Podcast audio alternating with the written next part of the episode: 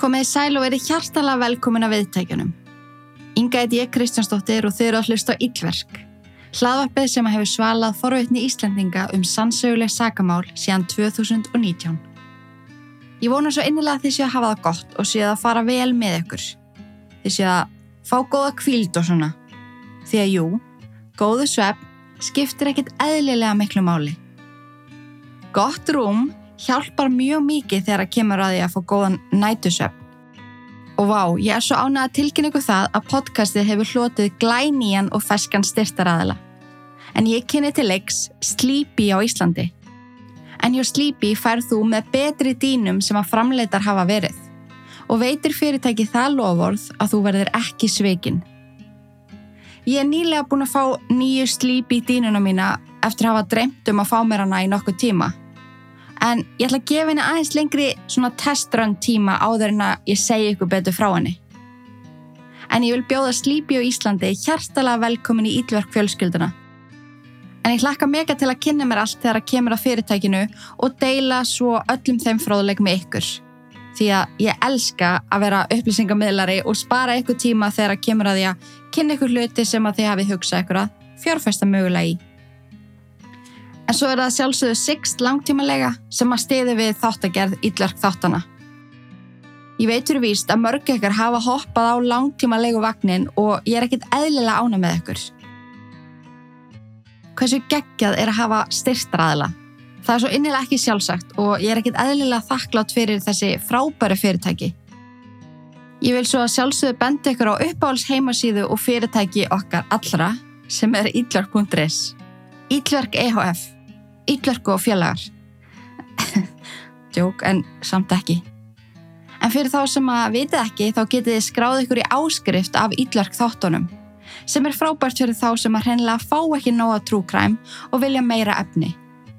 Við skráningu fáið þið aðganga yfir 150 auka þáttum, 5 auka í hverju mánuði og þessa fríu vikulegu án allra auðlisinga. Áskriftin kostar 950 krónur á mánuði og það er engin binding. Kynnið ykkur endilega málið inn á ítlark.is. En ok, eru þið tilbúin í eitt stórfurðulasta mál sem að þau muni heyra á eitthvað lífsleif?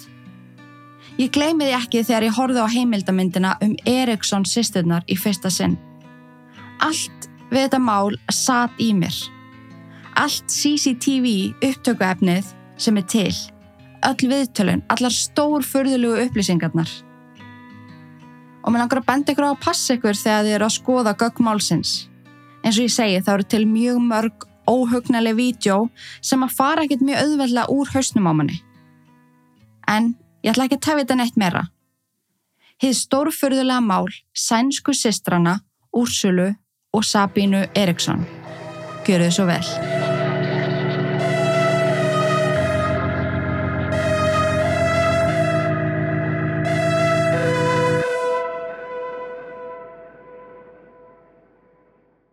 Sænsku týpurarsisturnar Úrsula og Sabína Eriksson voru fættar þann 3. november árið 1967 í Sún, Varmland í Svíþjóð.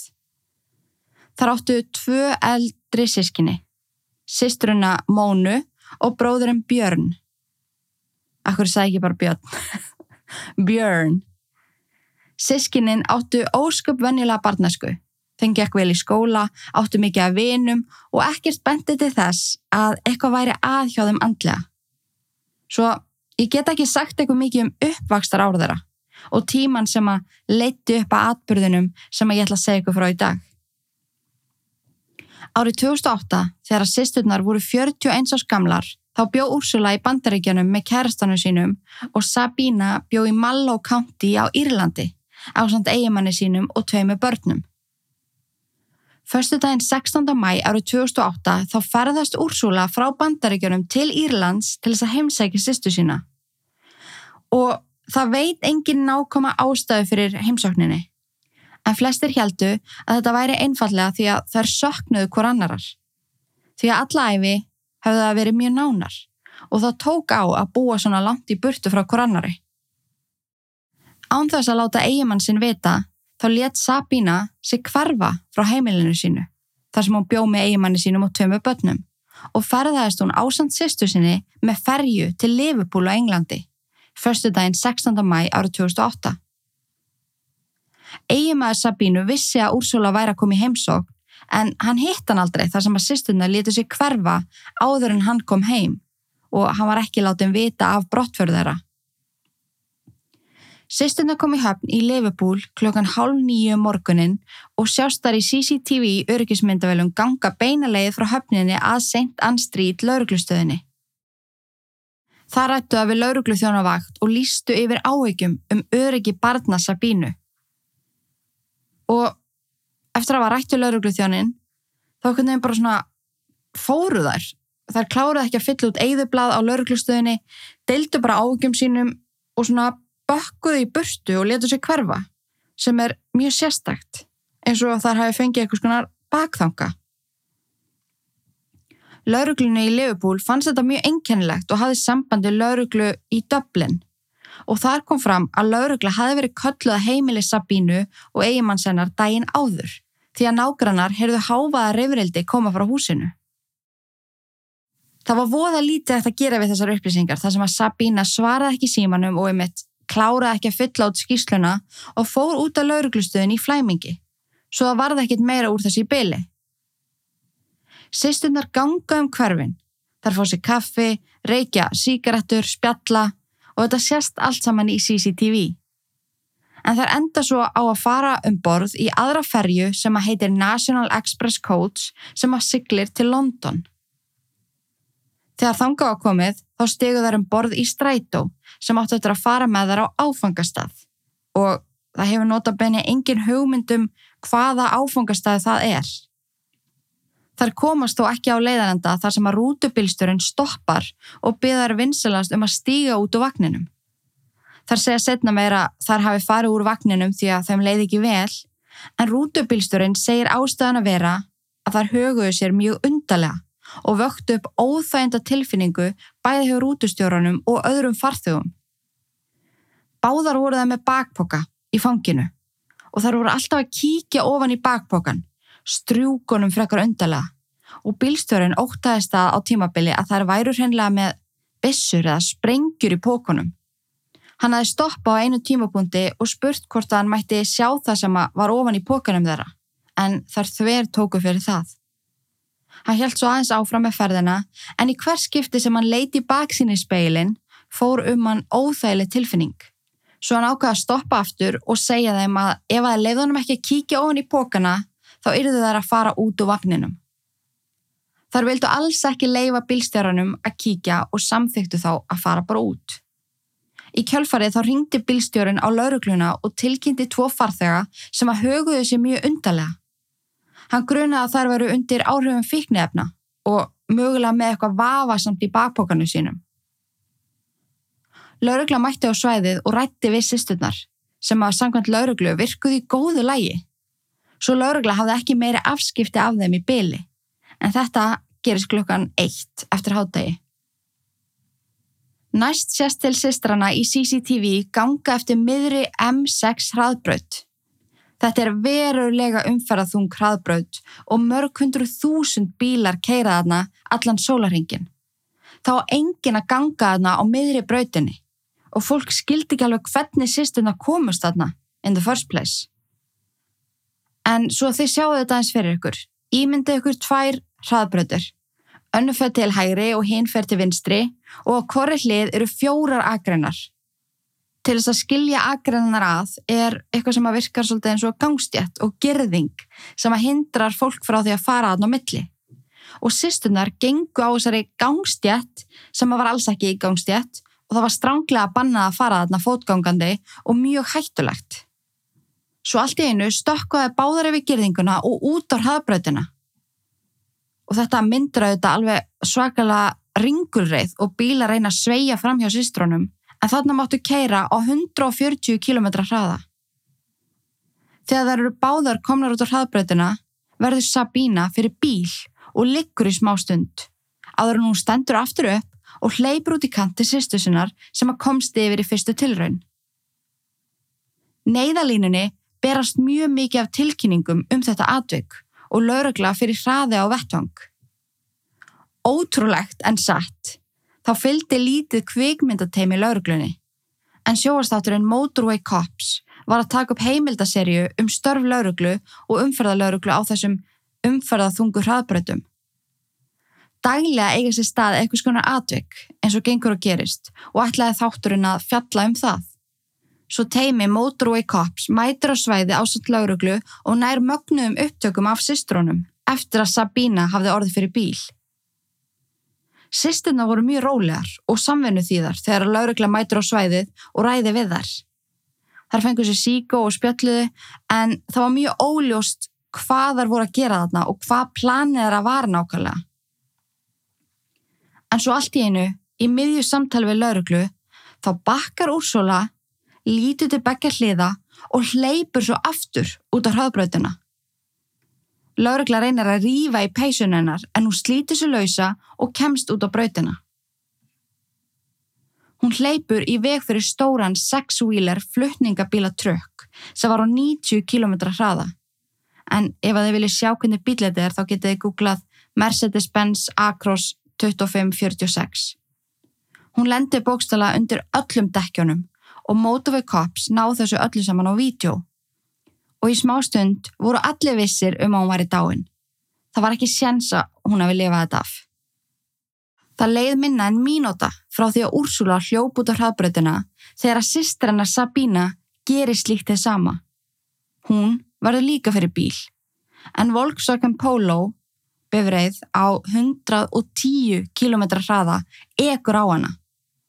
Sýsturnar eru núna báðar meðvitundalöysar, liggjand á götinni en samt á lífi sem er ótrúlegt með að við hvað bílarnir sem að óga á þar voru á meklum hraða. Eftir að bráðaliðar hafðu hlúð að þeim í rúmar 15 mínútur þá rankast sýsturna við sér, næstu því á sama tíma. Úrsula fyrir að berjast á móti bráðaliðanum sem er að reyna að segja að hreyfa sig alls ekki því að það er ekki vita hvort hún var fyrir mænuskaða, innvortisblæðingum eða ykkur slíku. Hún getur hennilega lamast ef hún hreyfir sig.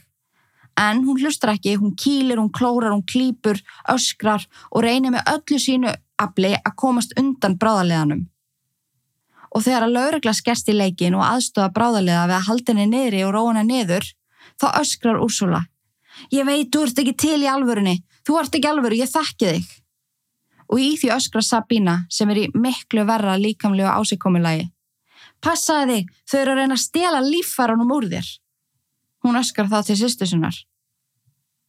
Fætur Sabínu eru gössalega mölvaðir eftir að hafa orðið undir margra tonna flöhningabíl og upptökunni sem eru til frá þessu atviki getum að sé hvað þeir eru algjörlega flatir og begðir á mjög ónáttúrulegan hátt.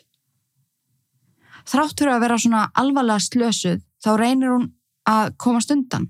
Hún býtur og klórar og kýlir fólki sem að var að reyna henni. Úrsula, sýsterinn sem að var fyrir Volkswagen Polo, kom svo öllum á óvart þegar hún reif sér lausa, steg á fætur og hljópi burtu. Hún öskraði hjálp og að þetta fólk sé að reyna að stela líffarunum úr henni og kýlir svo lauruglukonu í andlitið sem að hrinur í jörðina. Úrsula stekkur yfir girðinguna sem að skilur agrannannar af og hleypur út á götuna og verður fyrir öðrum bíl. Á þessum tímapunkti er stöðvað umferðina báðu megin og í kringu vettvang myndast þessi risastóri chaotic tappi. Eftir mikið erfiði náðist að handjána báðar sýstunar og þeim báðum komið upp í sjúkrabíl. Og það er svo ótrúlegt að nokkrum mínútum áður, áður en þar stukku út á götuna, þá voru þar alveg eðlilegar.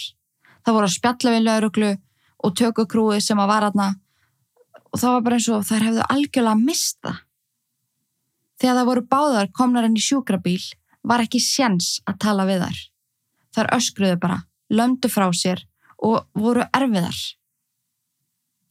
Þar sem að það var ekki hægt að spyrja þær út í hvað var eiginlega í gangi með þær, þá gerði lauruglan ráð fyrir því að þarna hefði verið eitthvað skonar sjálfsvíks samningur hjá þeim eða þær varu báðar á sömu ofskyninar eitulöfjónum. Það er líka svo rugglað að þetta upptökulið, hann að Motorway Cops hafi verið aðná og náðu svolítið á vídeo. Hver eru líkunar? En það ótti líka eftir að reynda af stað alls konar samsæriskenningum sem við skulum fara yfir setna í þettinum.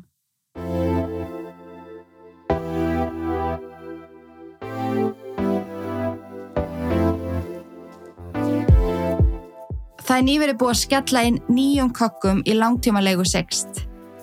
Þau hendu mér á glænían Renault Captur sem er svona bíl sem ég hefði aldrei spáði en vákaðan er fáralega þægilegur.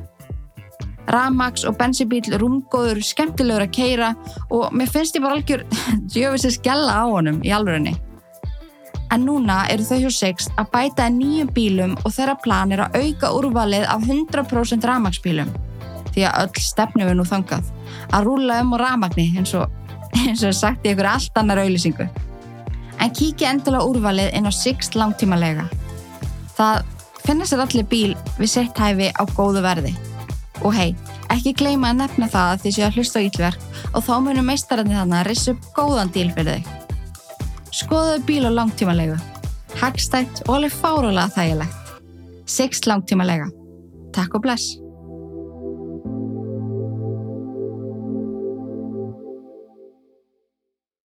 Úrsula var svo alvarlega slösuð að það var tekin ákverðun um að senda hana með sjúkraflugi á sjúkrás þar sem að hún þurfti að gangast undir aðgerð á fótonum og það var alls ekkert víst hvort hún gæti hreinlega gengið aftur.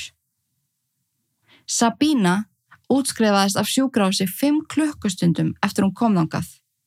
Það sást alltaf á henni að hún hafi orðið fyrir tveim bílum á 100 km hraða. Hún hafi öll róast niður. Hún var að spjalla við starfsfólkið, grínast, hún var að spjalla við laurugluna, fýblast í þeim, fessi síkó og hún var einhvern veginn allt önnu manneska og hún spurði ekkert um sýstu sína. Hún var ákjær fyrir gjörðu sínar og fjakk fyrir það einn dag í fangelsi sem að hún þurfti ekki að setja af sér af því að tími hennar á sjúgrási og svo í yfirherslu var reknað með og tekinn sem einn dagur í fangelsi. Svo eins fárlegt og það hljómar Eftir að hafa hlaupið út á eina umferða þingstu hraðbraut Breitlands, orðið fyrir tveimu bílum og kilt laurugluþjón, var henni sleft dæin eftir. Ekkert geðrænt mat, engin frekar í skoðun, ekkert utanumhald. Hún gekk bara út með eigu sínar í glærum plastboka og bara bye bye, gangið vel sjáumst aldrei aftur. En hún var auðvitað ekki búsett í Breitlandi og þekkti enga nema sýstu sína og fjölskyldu hennar þar svo að hún bara eiginlega ráfað um.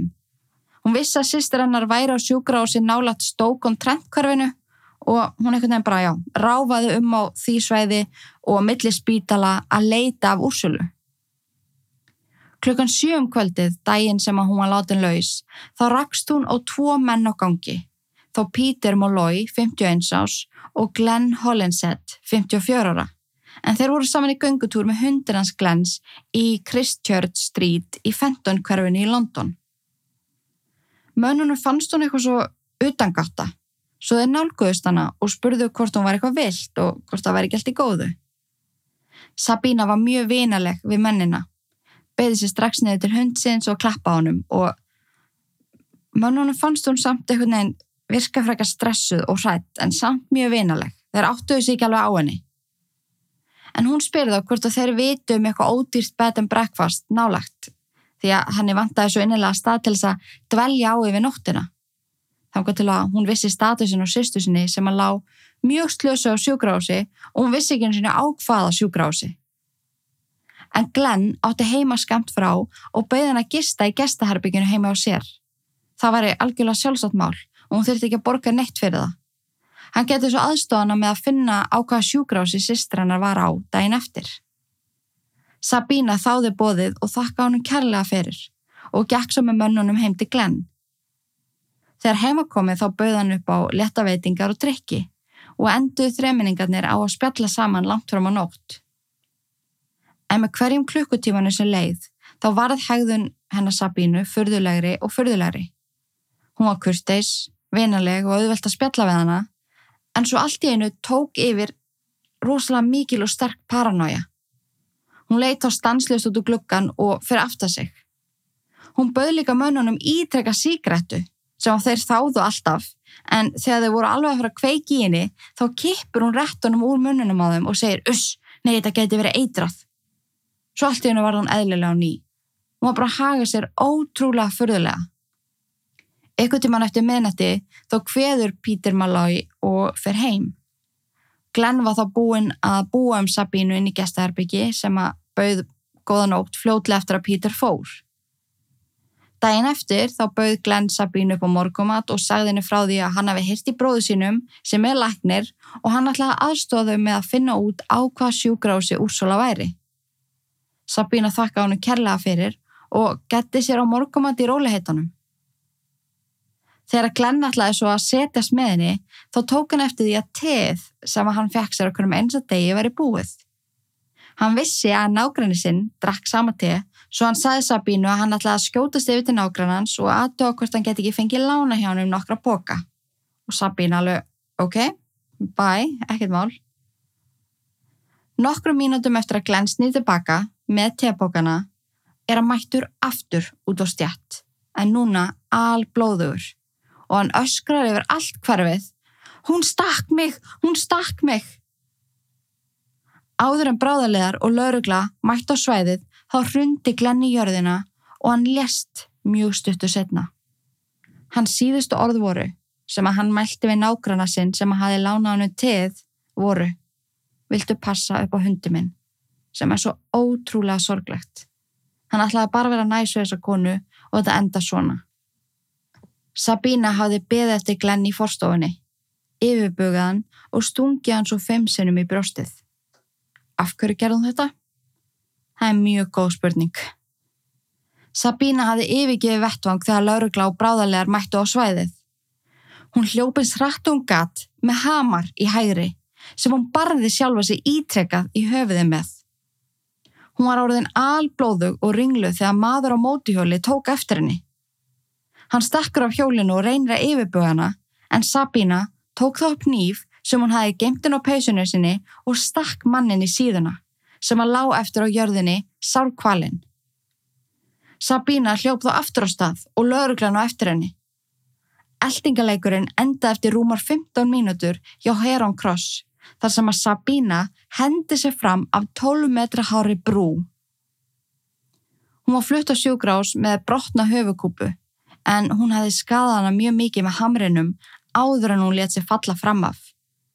En þrátt verið þetta allt saman var hún með fulla meðvitund og lifið þetta svo af.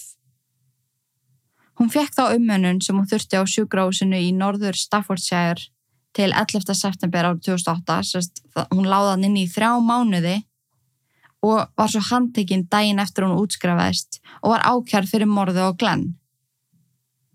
Í yfirherslu þá viðukennir hún að hafa orðið honum á bana en sagðist ekki vita afhverju.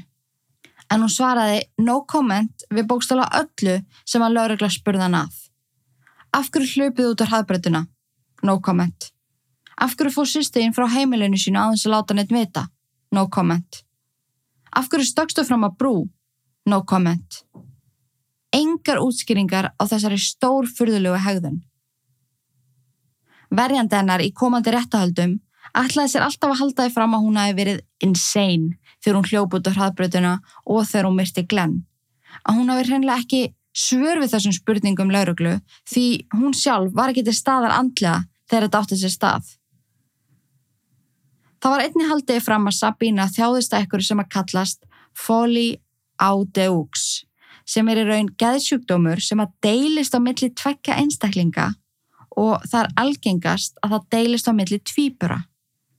Það er líka oft kallað sameinlegt geðróf og stundum er líka bætt við orðinu family, svo þá er þetta kallað folly outdogs family sem að þýðu þá fjölskyldu brjálaði. En verjandi Sabínu vildi meina að þær hefði saminast í þessu brjálaði og fundi fyrir sársöka hvort annarar og þess vegna gert þetta svona ótrúlega samtaka. En munið þegar þær fórun á lauruglustöði byrjun ferðarinnar og sögðu frá því að eigin maður úrsölu hafi beitt hann á ofbeldi. Það var aldrei neitt meira úr því og það er lítið sem ekkit vitað um það, enginn smáadriða slíkt.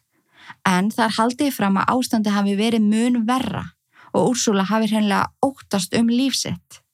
Og þessi ótti og paranoia hafi smitast yfir til sýsturannar.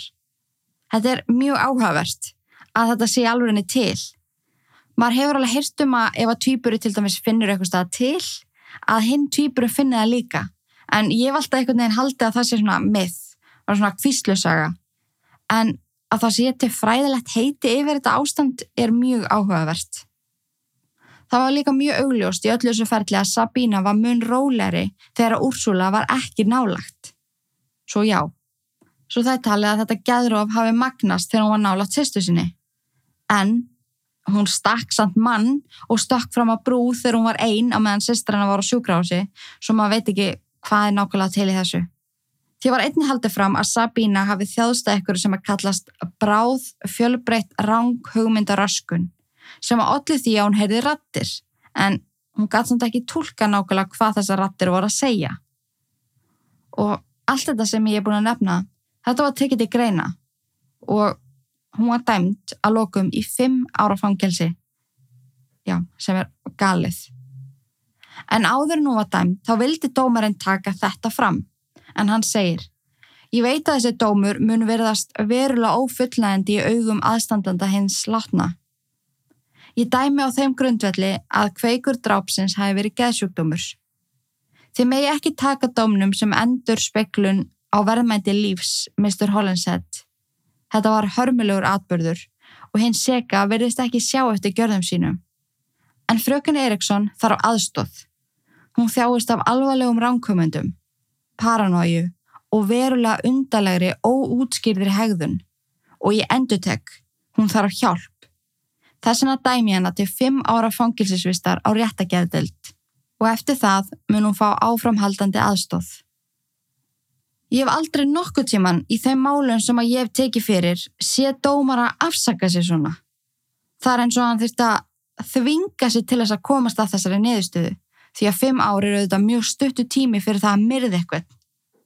En það var ansi augljóst að það amaði eitthvað alvarlegt að Sabínu og það hefur alveg sínt sig í hennar lífi að þegar hún var í jafnvægi og fekk hjálpina sem hún fekk, var hún ótrúlega venjuleg kona. Það er öllum dölinn ráðgáta hvað sýstrunum gekk til þennan dag og af hverju Sabína stakk mannendi bana nema það að hún hjælt kannski að eitthvað væri á eftir sér og mögulega hefur hún fengið þá flögu í höfuðið að Mr. Hollinsett hafi viljað henni ílt og hún því talið sjálfsög trúum að morði hafi verið framið í sjálfsvörn. Það hafa líka komið upp kenningar um að þetta hafi allt saman verið sett upp af fólkinu sem að gefur út Motorway Cops bara til þess að búa til umfjöllun sem að það er náttúrulega bara algjörlega galin pæling og mjög langsótt. Ég hefði mögulega skoða þá kenningu ef að það hefði ekki manneskja dáið í ferlinu. En það er vissilega styrlu tilviljun að það hafi einmitt verið upptökur í gangi enna dag. Því eins og ég sagði á þann þá er gjössalega bara unreal að sjá þessar upptökur af þessum degi þegar manneski hlaupa viljandi fyrir bíla. Þetta er bara, ég er að segja ykkur að enn og eftir passa ykkur þegar þið eru að leita af gögnunum í þessu máli. Þetta er, þetta er ógeðslega óþægileg vídeo. Maður er einhvern veginn svona það er ekki oft sem að ég verði svona smá hrætt þegar ég er að skrifa mál en ég fór alveg bara að kveika ljósinu og eitthvað, mér fannst þetta eitthvað svo spúki Það hefur líka verið talað um að mögulega hafi sýsturna verið að smikla fíknefnum þá sérstaklega því að þar virtust alveg út úr því daginn örlega ríka en þar voru báðar teknar í livjapróf og hvoraða þeirra voru með votta fíknefnum í blóðinu sem er styrlað maður hefði alveg kæft að þar hefðu gert þetta á eitthvað svona ofskinnina livjum En nei, nei, þar voru blá edru þegar það hlöpu út á hraðbröðina og Sabína var blá edru þegar hún stakk mannin og stakk síðan fram að brú. Það fannst heldur ekkert í bakbókunum þeirra. Ekkert áfengi, engin fíknefni, engin vopni eða neitt slikt. Bara snirtiförur og matur. Muni ekki þegar það voru reknar út úr rútunni því að rútubilsturum var hættur um að þar varu hreinlega með vopni eða sprengjur í bakbókunum.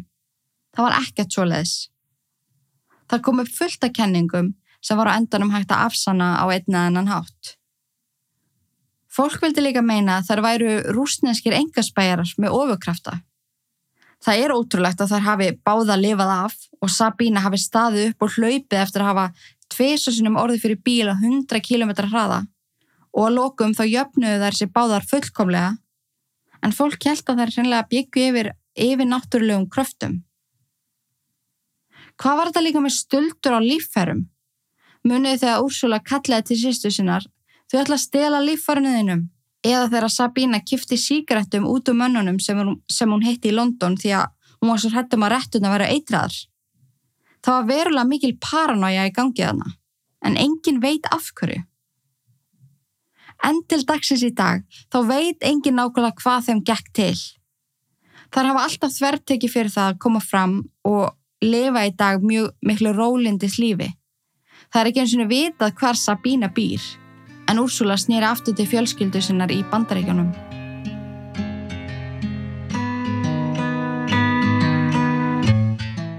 Ég er ekkit eðlilega forvitin að vita hvað þið haldið. Hver er ykkar kenning? Personlega finnst mér líklegast að þetta hafi verið út af þessu sameiginlega geðrófi. Það er þá allavega nátt að færa einhver rauk fyrir því, því að það eru engin rauk bak við neitt af hinum kenningunum. Það kom eitthvað upp á og þær sýstur ætlaði sér að standa saman á verulega undanlegan háttrendar en ég meina, you gotta do what you gotta do. Við fáum líklegast aldrei að vita hvað átti sér stað í hausnum á þeim þennan dag en þánga til þá þurfum við að geta í eigðunar og það er mjög áhugavert því að það er að velta þessu fram og tilbaka fyrir sér. Hvað kom fyrir Eriksson sýsturnar sem allir því að þær gerðu það sem að þær gerðu? Ég ætla að búti þráðin og loku yllurgrúpun á Facebook og þið með endilega deila með mér eitthvað kenningum og bæðu að ef að þið eru ekki inn á þessari Facebook-grúpu þá var ég geggja að þið kemur ángað. Það er ótrúlega mikið í gangi alltaf og ég læti alltaf vita af nýjum þáttum og ef það er eitthvað happening. Þannig að þetta er mjög aktív grúpa sem að ég mæli með að þið séu ná ef þið hlustu á ílverk en já, ég laka mjög til að heyra eitthvað teika á þetta mál. En þanga til þá ætlum ég þakka ykkur kærlega fyrir að hlusta. Takk fyrir að vera til og í guðanabænum forðist all ílverk nema þetta podcast. Verið sæl. Haugur, take it away Bættu sjöfið og þú dóttir eftir lukkur Hýta sáli sem í djúpa hafi sökkur Gangin líf eins og flugur inn í krukku Meðan 666 andast uppu Lækka sjöfið og þú dottin eftir lukkur Hýta sáli sem í djúpa hafi sökkur Gangin líf eins og flugur inn í krukku Meðan 666 andast uppu Þegar úti fyrir að dimm og frostin ístir inn að beini. Engin engil sem að veiti verði í eidulögðum heimi Sem að lagðist í eidi með heift og sakleysingjar týndu lífum. Verkin ítlu sem að fólki sá í sínu sínum Hversu margir hræðast drauga? Hversu margir hræðast að að horfi í auku dauða? Saugu taka mann á taugum eins og andar sem að herja mann. Hvaði voru á himnum fyndu engil til að verja mann. Hjartaslæri svo það sé með djöfulinn á hælunum Refur á móti hænunum Úlfur með sögða gæru Ílska reykar í bænum og lömpi þakma þórað ekki að vanda. Allt og marga sálir sem að tilbyðja fjanda Hamingja krasar eins og skip sem strandar anda Dráttur milli handa hættir að vanda Þegar að þreyttir að hálsi. Þegar ótti tekur yfir missa sakli málið eins og nortni galdra fári Bættu sjöfið og þú dottir ert í lukku. Hýta sáli sem í djúpa hafi sökku Gangin líf eins og flugur inn í krukku Meða 666 andast uppu Bættu sjöfið og þú dottir ert í lukku. Hýta sáli sem í djúpa hafi sökku Gangin líf eins og flugur inn í krukku Meða 666 andast Er það reyði sem að gera megin Skeppnur skapur eins og grimmir hundar sem að naga bein Eins og refur inn í hensna kofa hænur sofa svefninu langa þegar að anda koma. Þegar yllir anda taka yfir liði fyrir yfir liði ljósir anda fara fyrir. Flesti kjósa fá að halda friðin liðir yðar um og missi trúna sem það lifði fyrir Flesti standa eftir og stara bara hefndi sjúkum hug eins og hjá blóðþurstum talibana. Þau þurfa að byggja fyrir sálum sínum eins og fíkil sem er háður vímu þjáður er í sárum sínum. Byður um það eitt að hlusta sé á alla bæni sínar. Gengi hefur grítt að vegi alla fokkin æfi sína. Viltu fá að sjá? Yngu yllur tróða sér í lag hjá fokkin haugi há. Bæta sjöfið þú dottir eftir lukku. Týnda sáli sem í djúpa hafi sökku Fangin líf eins og flugur inn í krukku meðan 666 andast uppu Bættu sjöfið og þú dottir eftir lukku. Týnda sáli sem í djúpa hafi sökku Fangin líf eins og flugur inn í krukku meðan 666 andast uppu Býðum í andartak, andafrátur andvarpar Í andaklassi skilji andar eftir andafar Býðum í andartak, andafrátur andvarpar Í andaklassi skilji andar eftir andafar andaglasi skilji andar eftir handafar Býðum í andartak, andadráttur andvarpar. Í andaglasi skilji andar eftir handafar